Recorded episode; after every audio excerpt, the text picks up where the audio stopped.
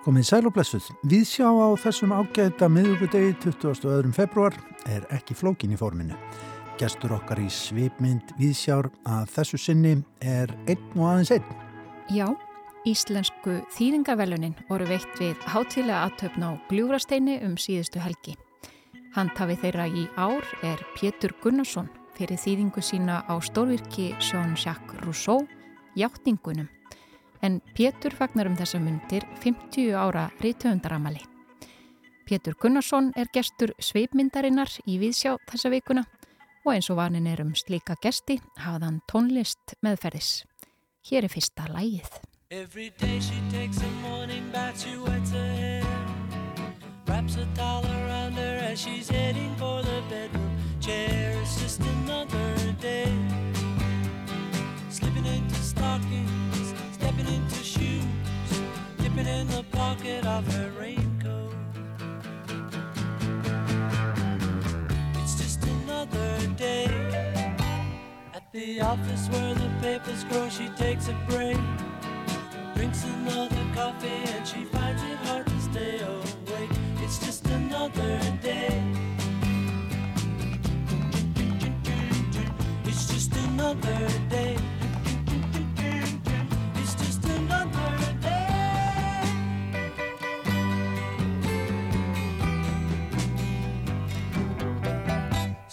She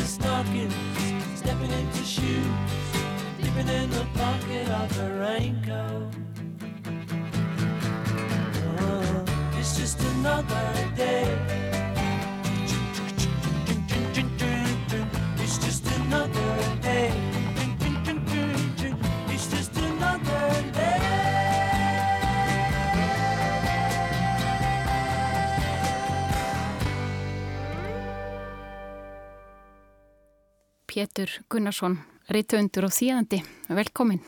Takk. Og takk fyrir að koma. It's just another day. Þú valdir þetta lag. Já, sko, það sem ég finnst svo merkilegt með býtlana, svona í, í samanbyrði við pop hljómsvitir, mm -hmm. það er hvað er settu mikinn fókus á hverstasleikan. Mm -hmm að þeir, þeir sko auðvitað voru yrkisefnin mjög einhæf í dægulega textum náttúrulega snýrst mest bara um lof og allt það sko. En þeir taka svo óvendan vingil sko þeir eru að tala um uh, Elinor Rigby sko einhverja skúringakonu í kirkju og, og gamlan prest og, og síðan uh, í Penny Lane og þá er bara heil göduminn sem að lifnar og, og síðan í þessu, þessu lagi þarna þá er, þeirra, þá er Paul McCartney að, að fjalla um, bara konu sem er að vakna og fara í vinnuna og taka strætt á Svo var að rýta stöðumælamörður. Og rýta stöðumælamörður. og þetta er það sem mér finnst eiginlega mest hillandi við bílana, hvað þeir gáttu lift hverstasleikanum upp í þessum dagulega töstum. Og þetta hafði náttúrulega áhrif á Íslandi líka, sko, dátar, til dæmis komið með Gwendur og Eirinni, sem nú eiginlega svar við Ellen og Rigby. Hefur þessi upptækt af hverstasleikanum hjá bílunum smittast inn í þínverk, heldur þau? Já, ég nefnilega hef, uh, ég veit ekki hvort það er smitt frá þeim, en, en ég hef alltaf verið mjög hrifin af uh, svona þessu hverstagslegasta líf í raun og veru að, að koma auga á yrkisefni þar og, og yrkjum það. Vegna þess að hitt gerir sér svo sjálft, sko, þetta stóra og, og, og stórkostlega og spennandi og og, og glæpsamlega og það allt saman sko en, en uh, ég hef beinlinnis eins og til dæmis í Vasabókinni sem kom nú út 1988 að þar var ég bara með eh, í heitli bók sko að, að, að reyna að fanga þessi augnablík sem að uh, lifa stöld með manni og oft sko rítumundar þeir, þeir vinna nú mikið þannig sko að þeir eru alltaf á höttólum eftir yrkisefnum. Og þeir sjá eitthvað eða heyri eitthvað eða upplifa eitthvað og hugsa með sér já, heyrðu þetta væri nú gaman að nota í skaldsög en í Vasabókinu þá þá eh, klifti ég alveg á skaldsögun og hugsaði mér það væri bara gaman að, að eiga þessi augnablík eins og þau koma fyrir. Mm -hmm. það var, það, já, þannig að það var svo tilrönn En bílarnir hafa verið væntalega stór partur af lífinu. Þú fórst í Fraklands í nám strax eftir mentarskóla það var 1968, það var mikið um að vera þessum tíma. Já, sko bílanir eru svo stór partur að það er ekki hægt að segja frá því, þannig að það er það er, búið, já, það, er, það er sko fyrir löngu eh, algjörlega horfið og tínt. En, en þið getur ímyndað ykkur kannski á þessum árum þegar að sko bítlalag var spilað bara einu sinni í viku. Það, var, kom fyrir kannski lögum unga fólksins á, á þriðdagskvöldi en síðan voru bítlandi bara þeir voru ekki alls ekki inn í myndinni þannig að það var svo gaman að eiga þetta sko unglingum fann svo gaman að meðtaka þetta bara sem fyrir sig og, og, og upplifa þetta í, í svona drópatali svona, svona, í svona skömmtum og, og þá náttúrulega sumir áttu gramafón og, og, og egnuðs plöturnar og, og þessi dásanlegu plötu umslag sem er náttúrulega algjörlega horfið með þessum eh, leiðilegu diskum sem að mér finnst algjörlega vonlausir en er maður alltaf að týna þeim og brjóta þá og, mm. það er ekkert gaman að rýna í þá og svo framvegis en, en, en uh, þessi 33 snurninga plata hún var bara allt önnur veröldst og í þessu liðum maður hræðist en En svo er bara í dag þá er sko, þú veist, bílalögur er komin í vekjaraklökur, þau eru komin í liftur, þau eru komin í stórmarkaði mm. og þannig að það, það er ekki hægt að endurskapa þetta fyrir neinum í, dag, þetta er orðið bara svo banalt. Mm. En áður nú ferð til Fraklands, þá ertu búin að ákveða það að ætla að skrifa, eða ekki? Jú, jú, jú, ég, ég var eh, held ég bara sjóra því ég ákvað það og... Af hverju í óskupunum? Sko, aðtíðið bara tíman sko 1955, já þá er ég nú reyndar 8 ára, þá var Haldur Lagsnes Nobelsvölunin og uh, samfélagi fer gerðsamlega á kvolf mm. og uh, hann er, er allstaðar sko í útvarpinu og upplæsturum og fundum og, og þetta og hérna það, það, það verður svo rosalegur fókus á, á rítvöndin og skriftir og og allt þetta ævintýri í, í, í tengslum við Haldur. Þannig að ég hugsa að það út af fyrir sig hafa nú bara eh, getað ánetjað mann þótt, þótt ekki verið annars sko. En, en bara á þessum tíma er uh, það er bara orðið. Það er, sko, það er skrifað orðið og talað orðið og uh, mér langar ekki til þess að verða útdansmaður en mér langar til þess að, að skrifa.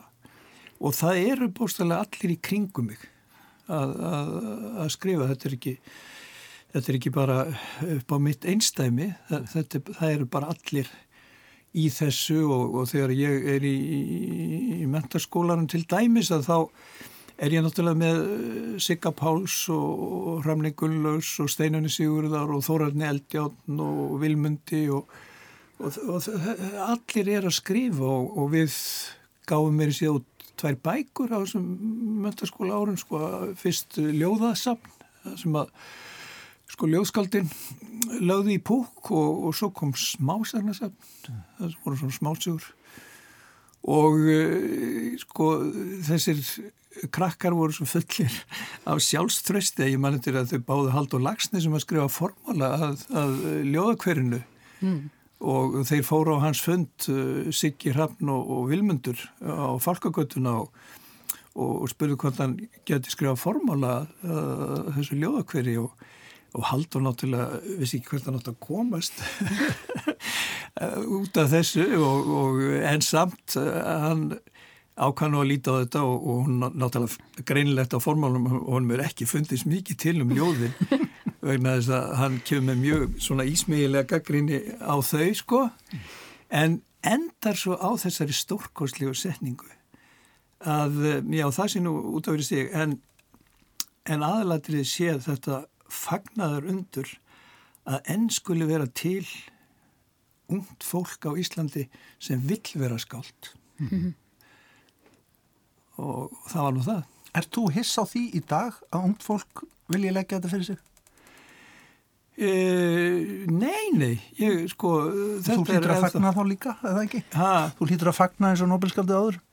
Já, já, er, þetta er náttúrulega ennþá mjög ríkur þáttur í, í, í okkar menningu en e, sko samt tímanir hafa breyst, hugsaðu ykkur það að mín fyrsta bók kemur út fyrir 50 ára síðan uh, sumarinn 1973 og ég er náttúrulega gerðsamlega óþektur en það koma rítdómar um bókina í öllum blöðunum. Mm.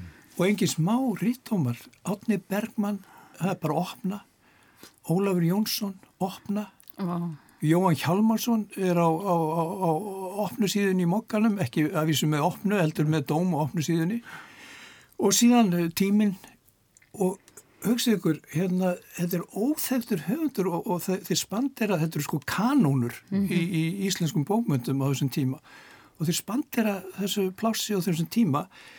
Og svona var bara með öll, öll ljóskald sem voru að koma fram, þeir, þeir fengu þessu umsögn. Mm. og ríkisútvarpið það tók bara sjálfkrafa upp í hátegisfrétta tímanum. Þá var sagt frá því uh, þegar, þegar að bók kom út og, og, og svona aðeins um, um höfundin þannig að, að allætið sem við nutum að það er svo rosalega ólíkt því sem er í, í dagnáttúrulega þar sem að þennir bara jafnóðum yfir allt sem kemur fram sko þannig að það er svo ólíku saman að jafna þessu leitinu til. Mm -hmm. Hvernig voru dómarnir um splungun í en dag? 73?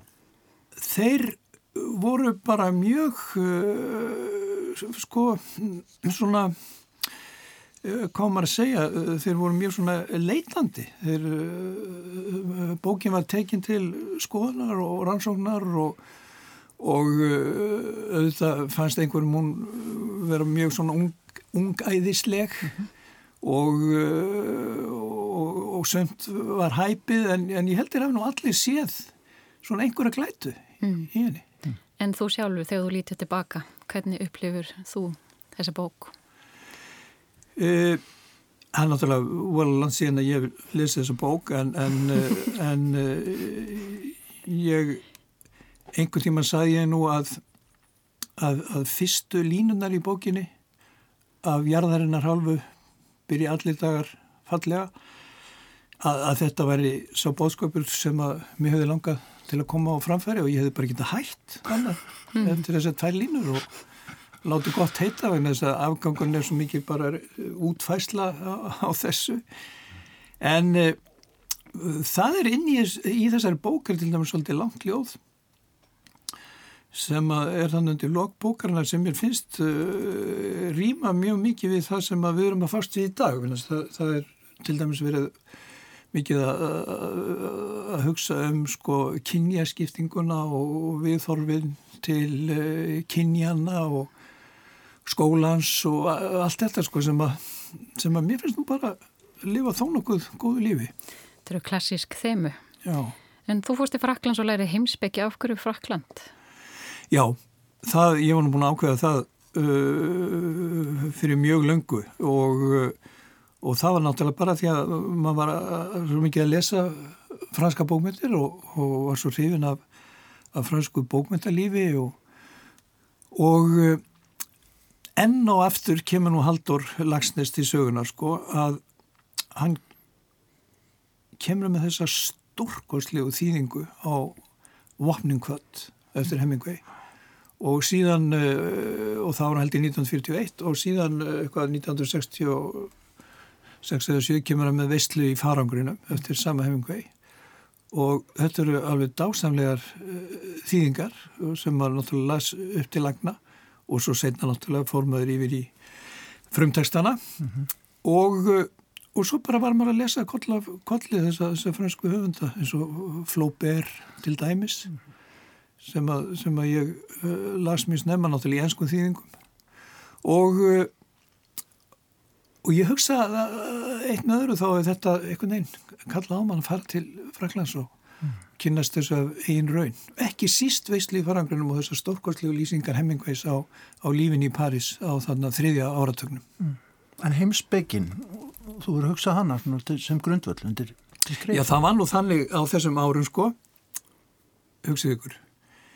Í dag þá getur maður að fara í banka og tekið út ótakmarkaðan gældeiri og, og þetta var nú svo ný hugsun fyrir mér að, að, að, að þetta var svo lengi sem þetta var skamta sko, ég vil þótt að það væri að þetta var gældeir sko, þá var það með að við ákveðna upphæð. Mm.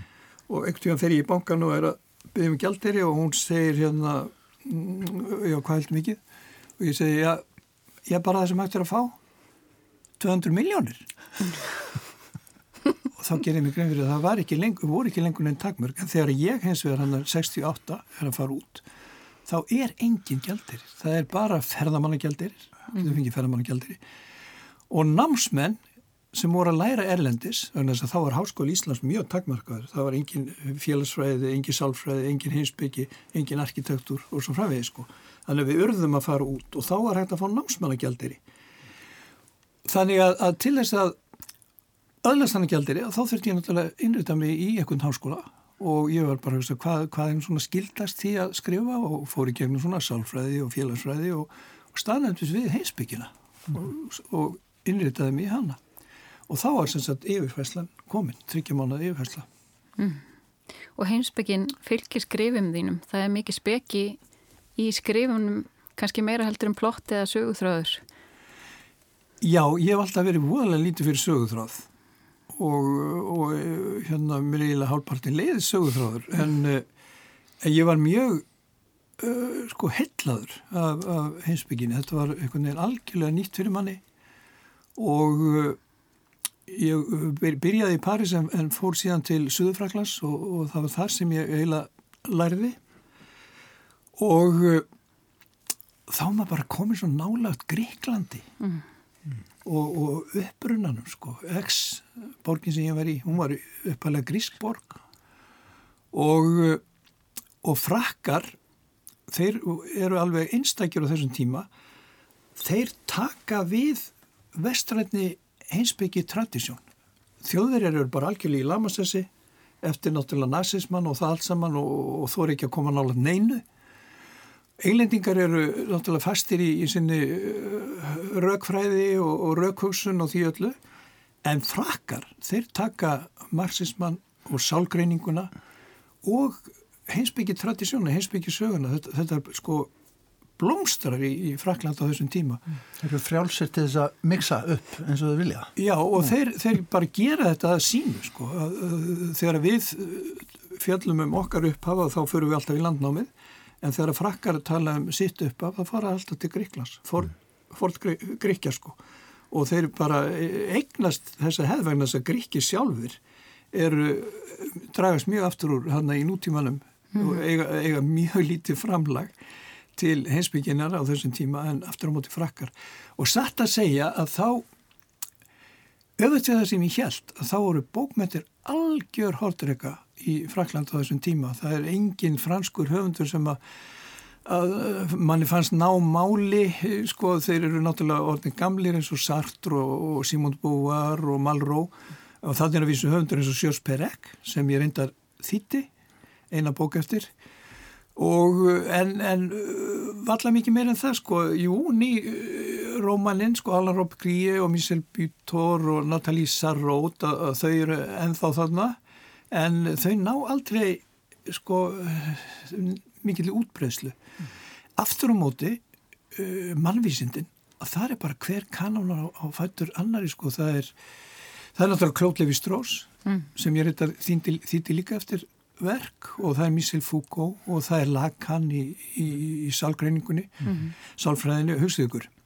Fyrirlestra Lacan voru eins og, eins og bara býtla tónleikar mm -hmm. og það var svona fjórum-fimm klukkutímum áður en fyrirlesturinn hófst þá var komin röð út úr háskólanum og út í latinu hverfið bara til þess að komast þarna að og síðan var sko hvert sæti setið og algjörlega eiginlega upp að ræðupúltinu og ótal mikrofónar sem að það var bara svona skóur af mikrofónum sem var rétt á honum mm. og, og hann var bara eins og eitthvað viðfrétt lagan ja. Og uh, síðan Altíser sem uh, var með marxismann að, þetta, þetta voru sko stjörnur sem að maður náttúrulega uh, hillaðist af á þessum tíma en, en, en svona bókmyndir sátu svolítið á vekkanum Já En til heiðurslega kann leggja til að við setjum næsta lag á fónin.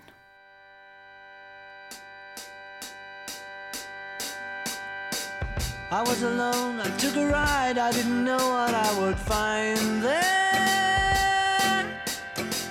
Another road where maybe I could see another kind of mind there. Ooh, and I suddenly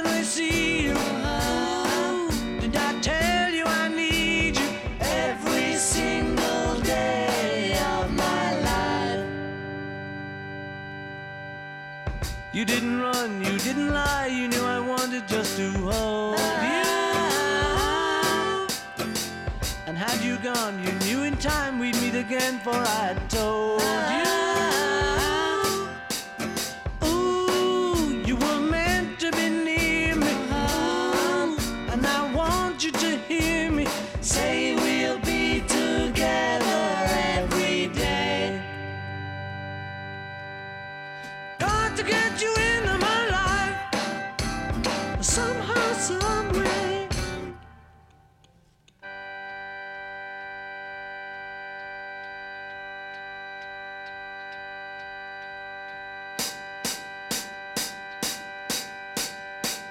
What can I do? What can I be when I'm with you? I wanna stay there. If I'm true, I'll never leave, and if I do, I know the way there.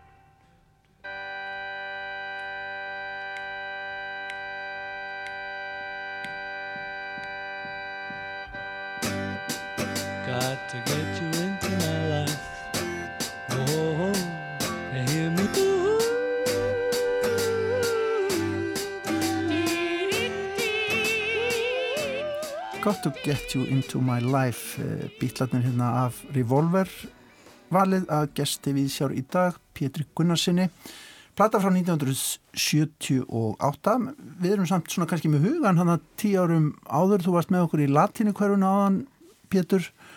Það er þetta rosalega mikil, hvað maður segja, degla í samfélaginu, fransku samfélagi þegar þú ert að koma að nút. Já. Uppreysnir, stúdenda uppreysnir og, og svo víðari. Já, sko, mæbildingin uh, var náttúrulega í mæ og þá var ég nú bara í stúdinsprófum uh, á Íslandi en, en síðan um haustið að þá búast allir við að, að sami róileikur endur takki sig mm -hmm. þegar stúdenda mæta aftur í skólan en þá er því líkur viðbúnaður lauruglunar og herrlauruglunar mm. að það var með rosalega ruttafengnum hætti sem að þetta var bara brotið á bakaftur og, og það var bara stórhættilegt að vera á göttum úti sko að maður kannski alveg lendt inn inn inn í þessu sko, það voru náttúrulega hverjum einasta degi einhver, er, einhver uppþótt og það voru alltaf verið að reyna að mobilisera fólk til þess að að fara í e, einhverjar göngur og svona sko og, og maður fór í þetta náttúrulega. E, og, og þá var maður vitnað þessu svakalega ofbeldi af hálfu ríkisins og maður var náttúrulega svo grænað heimann að vísu hafði nú NATO-föndurinn í Reykjavík verið bara niður með, með hérna harri hendi þarna um sumarið sko. Mm. NATO heldur aðstefn á Íslandi og, og hugsaðu ykkur smekkleysið sko að hún var haldinn í Háskóla Ísland þannig að sko mentastofnunni var lögð undir þetta og þá voru miklar mótmæla aðgerir og þannig að mann maður eftir byrna Þórðar og Ragnar í Skjálta og, og fleiri góður og já, já. og fleiri, fleiri góðum. Og, en þetta var bara mjög miskunnulegst niður. En svo kemur hann út til Fraklands og þá eh, er þetta sko klóru lausara sko. Og þetta er mjög mikil áhrif á mann sko að upplifa þetta. Og svona öruglega uh, gert að svona ítt undir róttækni að sjá að ríkið skildi þjóna hagsmunum ykkur ákveðina aðila í samfélaginu að ríkið skildi ekki vera fyrir alla mm. En París er náttúrulega sko frábær staðu til að vera ungu maður, ekki satt, þannig á þessum tíma. Jú, sko, París er höfuðborg bókabúðana. Já. Að það er sko bókabúði, bókabúði, bókabúð og þær eru allar yfirleitt sko í sagt götu myndinni sko, þannig að, uh, að búðarglögin er út á gangstéttinni mm -hmm. og það er svo sérstatt við franska bókabúðir að hver bókabúð stillir upp sín, sínu úrvali sko. Það er ekki eins og oft er að það eru sömu bækunar í öllum bókabúðunum. Að, hver bókabúð með, með, með svona sitt úrval og, og sína sín og þannig að, maður náttúrulega sógast inn í hennan heim bókabúðana og, og uh, var strax uh, svona farin að eigða allt á miklum peningum í, í, í bókakaup. Mm -hmm. Þannig að, að, að, að París er alveg indislega þessu leitinu og, og það sem ég sækir til París að það er nú yfirleitt þetta, bara að fara í bókabúð mm -hmm. og svo er það líka náttúrulega bladakosturum franski er svo stórkostlegur að þeir eru alltaf með uh, allan heiminn undir sko það sem er að gerast og Í bandaríkjunum til dæmis að þá getur leitað tímanum saman að einhverju, einhverju stað þar sem þú getur keift efra á stablað eða, eða stablað sem er, er fjallið það sem er að gerast. Það verður allt svo lokalt sko mm. en, þannig, en frakkar eru alltaf með allan heiminn undir og það er það sem er svo sérmjörandi. Er Frakland ennþá stór hluti af þér? Já, ég hérna verður nú að segja það, það er alltaf landið sem ég langar aftur til sko og París er alltaf borgin sem ég langar aftur til og síðan náttúrulega er núna eh, held ég á þriðja ár síðan ég kom til París, það er náttúrulega COVID eh, kom þann inni og klifti á, á, á þráðin, þannig að ég er á ansi aðþreyndur og, og illa haldinn sko. Mm. og einmitt að þessu litur mér langar svo til þess að að lesa um Úkrænustríðið og allt sem er að gerast í dag sko, sem ég veit að býður mín þarna í, í bókabúðum í Fraklandi sko. það, það eru bók eftir bók eftir bók það sem eru greinandi bækur um, um allt þetta sko. En nú liggur hérna borðinu fyrir framann okkur Pétur uh, sko heldur betur hundlungur uh, þýðing þín á hjáttningunum eftir Jean-Jacques Rousseau Já. og til hamingju og hann er kannski ástæðan fyrir því að verðinni hjá okkur þetta til hamingju með íslensku þýðingavelunin sem þú fegst á dögunum fyrir þessa miklu, þetta mikla verk. Já, sko, þetta er, það, maður hlýtur að þurfa að taka svona, dálítið svona með hodnunum einhvern veginn að stanga þetta. Þetta er, er þetta COVID sem liggur hérna fyrir framann okkur? Nei, sko, hugsaðu ykkur hérna tímin er skemmtilegur, sko. Ég hef nú alltaf fyrir síð uh, því ég kaupið með bók þá skrifa ég alltaf í bókina uh, staðin og stundina hva, hvað er ég kæft hann og hvenar og ég sé í mínum bókurskáp að ég hef kæft játningarnar sumarið 73 mm. í Exam-Provence mm. þannig að það eru komið 50 ár, er það ekki mm. síðan að ég uh, fór að lesa Rousseau mm. og í, í háskólanum að, að þar var alveg frábær kennari uh, Grórísar sem að er nú eitt aðal autoritetið í Rússó í Fraklandi og, og hann var með kursa í Rússó og ég tók þess að kursa og það hefur verið 72 72, 73 einmitt þegar ég kaupi þessa bók 73 og, og þá svona byrja mín kynni af Rússó maður náttúrulega þekkti nafnið og, og svona einhverja klísu eins og afturkvarti náttúrunar og eitthvað svo leið sko En svo fer maður að lesa þessi verk, verk og til dæmis Emil uh, uppeldisritið sem hann skrifar sem er uh, líka 600 blaðsíður mm -hmm. sem að, að allir sko alda kvörfum í viðhorfi til barna uh, á þessum árum og hann náttúrulega fangilsaður eða það er sko bókinni brend eins og skot og tröppum Sorbonháskóla og gefin út handtökurskipun á hendur honum mm. vegna þess að þetta brítur algjörlega í bá við það sem aðallir segir og vil mm -hmm og, og rúsa kemur með þessa nýstálu hugmynd að mentun barna eigi að taka með af barninu mm -hmm. ekki af hérna, því sem þjóðfélagi, samfélagi eða yfirstéttin eða hverða er vil tróða einn í barnið heldur eigi alltaf taka með af barninu og, og, og þroska þess og þessi hugmynd, hún fer síðan við sigur af holmi á 20. öld hjá svisneska sálfræðinum Jean Piaget Mm. Og, og ég tók einmitt uh, kursa í, í, í, í Salfræði Sjampjassi þannig í Suður Fraklandi mm. og, uh, og hann ber þessa hugmynd fram til, til Sigurs Pjassi í sínum verkum. Og hjáttningarnar eru að einhver liti skrifaði svona til varnar hans hugmyndum um uppeldi meðal annars. Já, síðan hérna uh, sko, Rússu er náttúrulega frá Sviss sko sem er borgarlegt samfélag með það sem að borgarinn uh, á séns mm -hmm. en 16 ára þá strykur hann heimann og fer yfir til Fraklands og þá er hann komin í kathólst land þar sem að aðallin ræður lögum og lofum mm -hmm. og borgarar eh, eiga ekki upp á borði sko, þeir, þeir mælast ekki og þannig ætlar hann að fara að reyna að hasla, hasla sér völl og, og hann ætlar fyrst að gera það sem tónskálda því aðallin hann er ekki að lesa og, og hann uh, vil bara óperur og, og leikrit og reynir fyrir sér á, á, á þeim svíðum en, en meðfram þá skrifa hann náttúrulega þessi verksín, þessi heimsbyggjaverksín og meðal annars já, Emil og síðan þessar skáldsögum Júliu sem að fór að vísu sigur för um 18. og var lesin af af öllum sko í, í mörgum upplögum en hann fekk engi rítlun það var ekki komið sko neitt rítvöndarsamband á þessum tíman sko hann, hann fekk eiginlega engi rítlun fyrir þetta þótt hann er svona frægur. Mm. og svo náttúrulega uh, samfélagsáttmálan sem að uh, gerði allt brjála náttúrulega.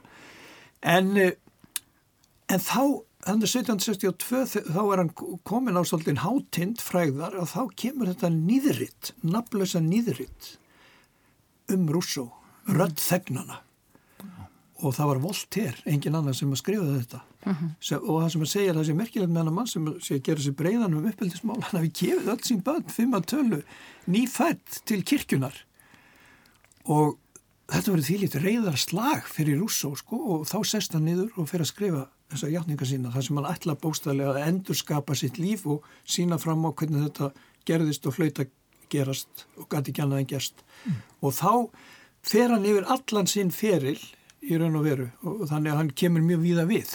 Mm. Hvernig svona tala þessari hjáttningar til okkar í dag eftir allt sem áhefur gengið? Það kemur koma marga byltingar og milli, ekki svo þetta? Jú, þetta, þetta er náttúrulega átjóndöldin og uh, ég alltaf verið algjörlega heitlaður af átjándu öldinni sko. Átjándu öldin eru náttúrulega senuskiptin. Þannig er franska byltingin 1789 loksins komast borgararnir að borðinu sko og, og allt breytist á átjándu öld. Þannig að það er svo, það er svo merkilegt að hafa samanbyrðin sko, hvernig þetta var áður og hvernig þetta var svo mm -hmm. og Og síðan finnst mér líka gaman fyrir okkur hérna á Íslandi að við eigum þess að stórkostlegu æfisögu sér að Jón Stengrimssonar, eldklerksins -hmm. sem að stoppaði raunnið mm -hmm. uh, að, að þjóðsagan sagði sko mm -hmm. í, í hérna uh, lakagígum, skaftáreldum og hann skrifar sína æfisögu sem er álíka laung, uh, já hún er mjög, mjög laung og það sem hann fjallar um, um, um sína æfi og, og það er svo ólíkur saman að jefna sko. Frakland á þessum tíma er toppurinn, Ísland á þessum tíma er botnin mm -hmm. og mér fannst svo gaman að, að speikla þetta í, í, í þessu verki. En það týðkast nú ekki endilega að vera bera breyskleika sín svona borð í æfisugum? Nei og það er það sem er náttúrulega rótakast við þessu æfisugum eins og Rúsa segir í byrjun, hann ætlar að segja allt. Mm -hmm af einu manni og hann bara játur á sig vammir og skammir og talar um sjálfsfróun og alls konar abriðliheit í kynlífi og svona sem að, sem að náttúrulega gerði bókinu örglega fræga og gerði það verkum á Magnús Stefinsen sko sem að þegar hann skrifa sína æfisögu þá þekkir hann hjátingarnar, við lesar á dönsku og segir ég ætla ekki að gera eins og rússu og þeir neðan allar hellur að vera að játa á sig ykkur, ykkur af vammir og skammir sá sem að skrifa ræfisjóðu sína hann á að koma fram í sín fínasta pússi eins og þegar maður fer á, á mannamót mm. og endur hans æfisaga náttúrulega alveg bara stöð sjálfshól mm. En, en Russo fer algjörlega hinn að leðina mm. En fyrir þig sem þýðanda sem hefur dvalið svona lengi við þetta verk, hvernig er að vera inn í tilvist þessa manns svona lengi með alla sína breyskleika? það getur verið alveg óþóland á köflum en þess að, að Rússo hafi náttúrulega segist, segist og er sko að, að Rússo var náttúrulega veikur maður hann til lokin en það, við skiljum það hann er offsóttur, hann er hundeldur og hann, hann fer úr einu víinu í annað sko eiginlega alltaf, á alltaf yfir uh, vomandi að vera handtökin og gott ef ekki bara drepin þannig að hann, hann stæti stöðu um offsóknum mm. Og, og endan örgulega fer þetta á sinnið á hann sko þannig að hann er komin með svona uh, já, snertað ofsána kent, hann sér einhvern veginn óvinni í hverju hodni og vil vinir hann sem er að reyna að hjálpa honum.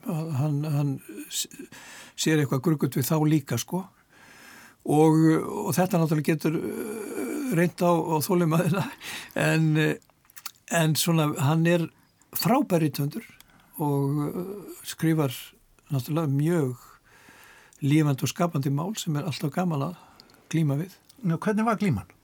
Rann þetta áfram hjá þér eða, eða þurftur, varstu, þurftur að fá þér marga kaffibóla á milli setninga bara stundum?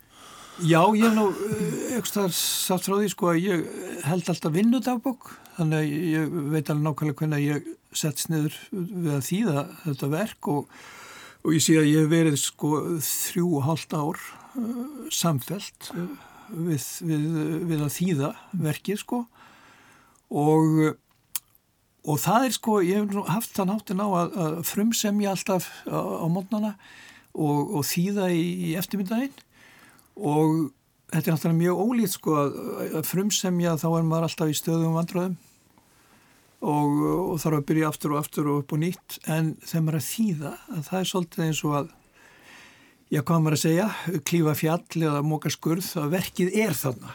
Þannig að, að, að það er ólíkur saman að jafna. Það, útheimtir allt öðruvísi tök, sko, mm. sem geta líka verið kvílt. Já, er þetta ekki gott hvort með öðru? Þetta er nefnilega gott hvort með öðru vegna þess að þú veist, maður getur verið í fjögur ár með sömu 30 blæsíðunar og strandar alltaf á saman strandum og, og þá er náttúrulega svo holdt að vera með eitthvað verð þar sem maður getur bara haldið áfram Já, bara handavinna Já. Já. En var það ekki farið að dreyma kallin á tímafili? Nei, ég hef náttúrulega ekki sagt það sko, ég man ekki þér ég held nú að drauma lífið hafi verið á alltaf slóðum, en, en svona þegar maður, ég náttúrulega kannast við það líka þegar ég hef verið að vinna verkinum Þorberg Þórðarsson og og til dæmis það sem maður var mjög mikið nýra á þjóðabókluð að lesa sko uh, vasabækur, dagbækur bæði Þórbergs og, og líka hennar Þóru Viffúrsdóttur þá fór ég náttúrulega inn í bara þeirra heim, lifandi heim, dagbækur þeirra og þá fæst mér stundum svolítið erfitt að koma út í hérna, hérna gæsalega bara nútíma sko, maður var komin algjörlega inn í þeirra veröld sko. Já, og svo var maður alltaf bara stattur í kveldbyrtu sko dagsins í dag og, og manni fannst það næstu í óþægilegt. Það var svo notalegt að vera í þessu. Mm -hmm. það var eins og hérna ein, ég held að það veri Kjartan Ólafsson sem að saði einhvern tíman að það sem að veri sko svo skemmtilegt við svona ættfræði að þetta er allt sem mann dá í fólk og maður veit hvað maður hefur það. Já. Það er þægilegt. Rússó er alveg á vísum stað. Já.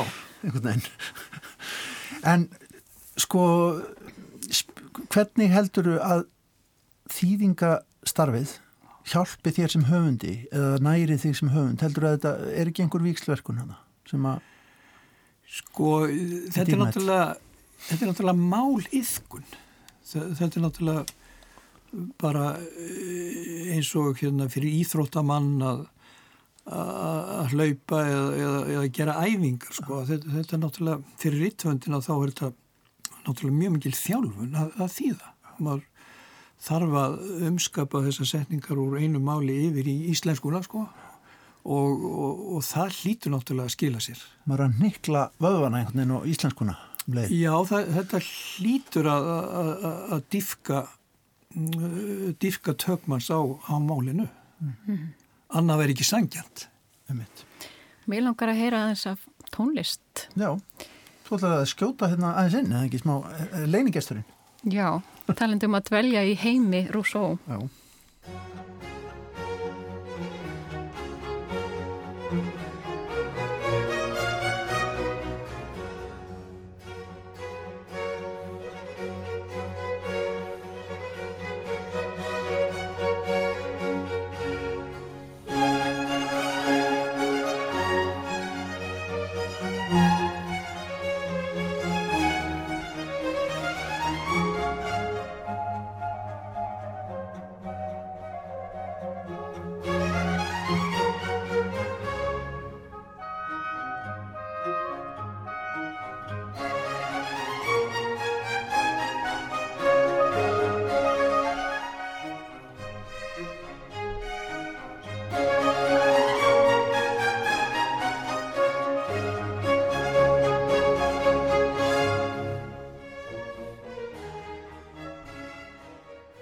Melkorka, hvað var þetta?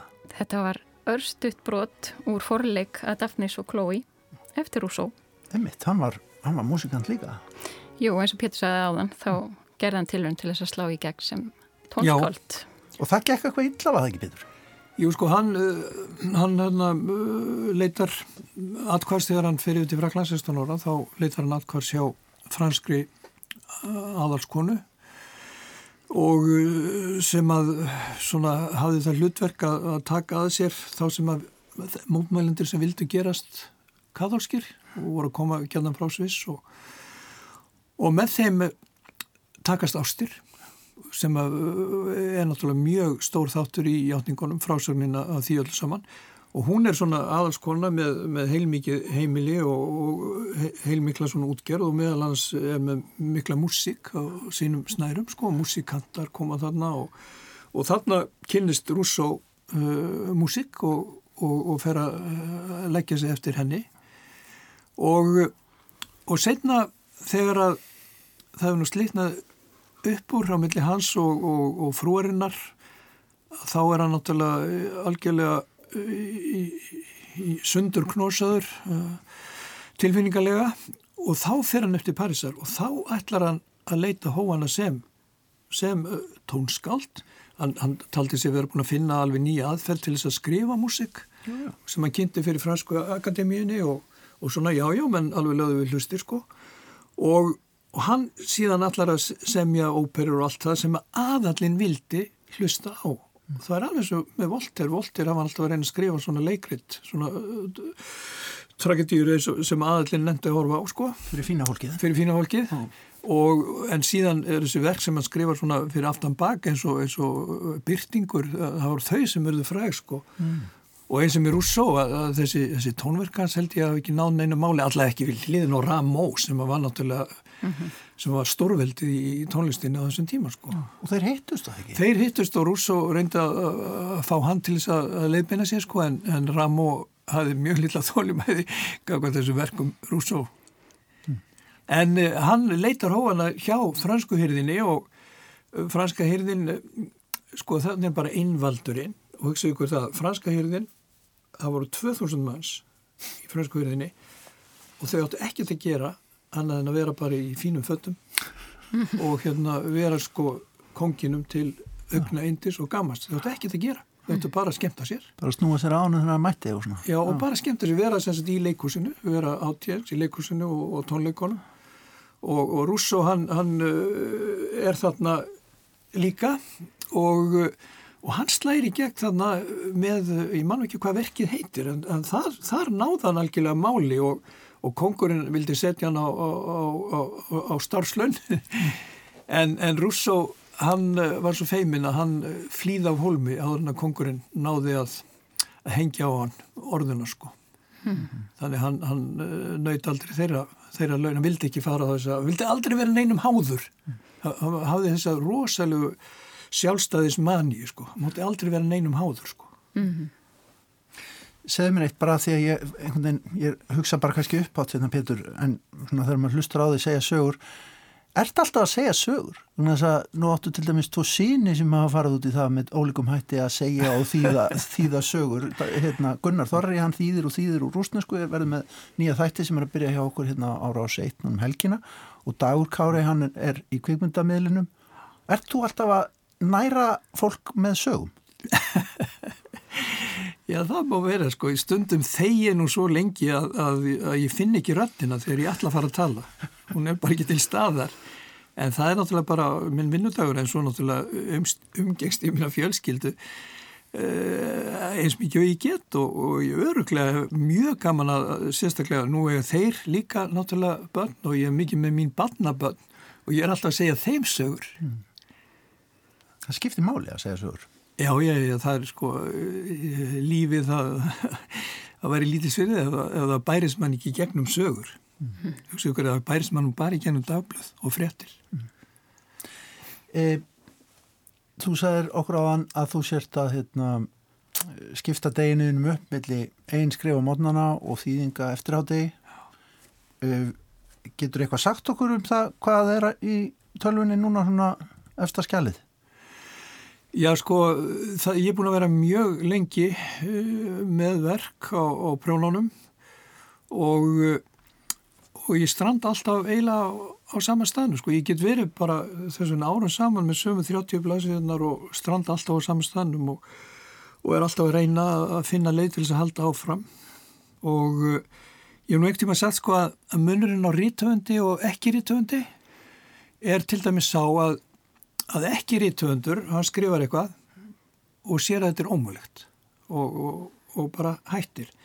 Rítuöndur, hann skrifar eitthvað og sér að þetta er ómulegt en þá hlýtur hann að hafa einhverja hugmyndum hvernig það getur orðið betra. Mm. Þannig að hann sest alltaf aftur við og reynir áfram og áfram og áfram og, og þetta er rítuöndur. Mm. Punturinn eftir yfir Pétur, þú valdir fyrir okkur, ég ringdi þig og var að beða um að velja lög, en þú valdir fyrir okkur ljóð í lók þáttar. Tvö. Byrjum á því fyrra, segð okkur frá, aðeins.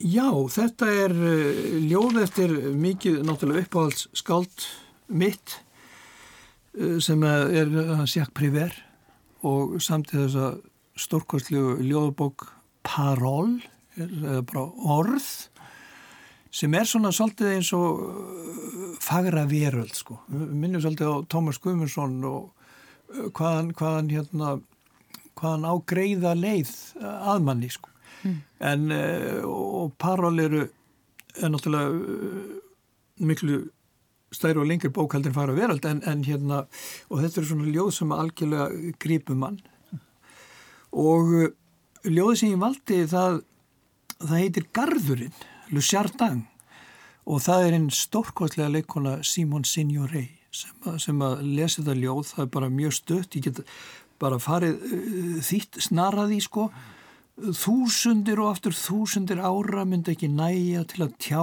þessa litlu sekundu eilíðar þegar þú kistir mig. Þegar ég kisti þig í Montsúri gardinum í París, París á jörðinni, jörðinni sem er stjarnar.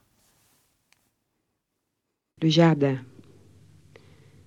Des milliers et des milliers d'années ne sauraient suffire pour dire la petite seconde d'éternité où tu m'as embrassé, où je t'ai embrassé un matin dans la lumière de l'hiver, au parc Montsouris à Paris, à Paris, sur la terre, la terre qui est un astre. Já, fallet er það. Uh, Pétur, þú vildi para þetta við Íslandsljóð? Já, þar hérna var ég bara í algjörlega, ég var bara að, að, að nota ykkur alveg svífilegan máta verna þess að fyrir mjög lengur síðan, eða fyrir nokkuð lengur síðan já, sennilega verður hann samt verið á þessari öll. Það er tíu ár síðan eitthvað. Það er tíu ár síðan, já. Að þá heyri ég í þætti sem að hann Jónas var með, því að það var held ég kvöldgestir eitthvað svo les og þar les hún Sigriður Hagalín ljóð eftir Stein Steinar sem að eh, kom í, í fyrstu ljóðabókinans Rauðurlægin Brann frá 1934 og ég, ég hefði alls ekki tekið eftir þessu, eftir þessu ljóð á sínum tíma en að heyra það í flutningi Sigriðar það svoleiðis brendist bara inn í sálar kvíkuna og mér hefur alltaf langað til þess að heyra þennan lestur aftur og þess vegna baði ég ykkur um að, að finna þetta ljóð og hvort það mætti spila það svona bara eins og lag. Við lefum okkur það. Og hveðjum með því og þökkun þér kærlega fyrir komuna Pétur Gunnarsson. Takk fyrir mig. Í vor, þetta stein steinar.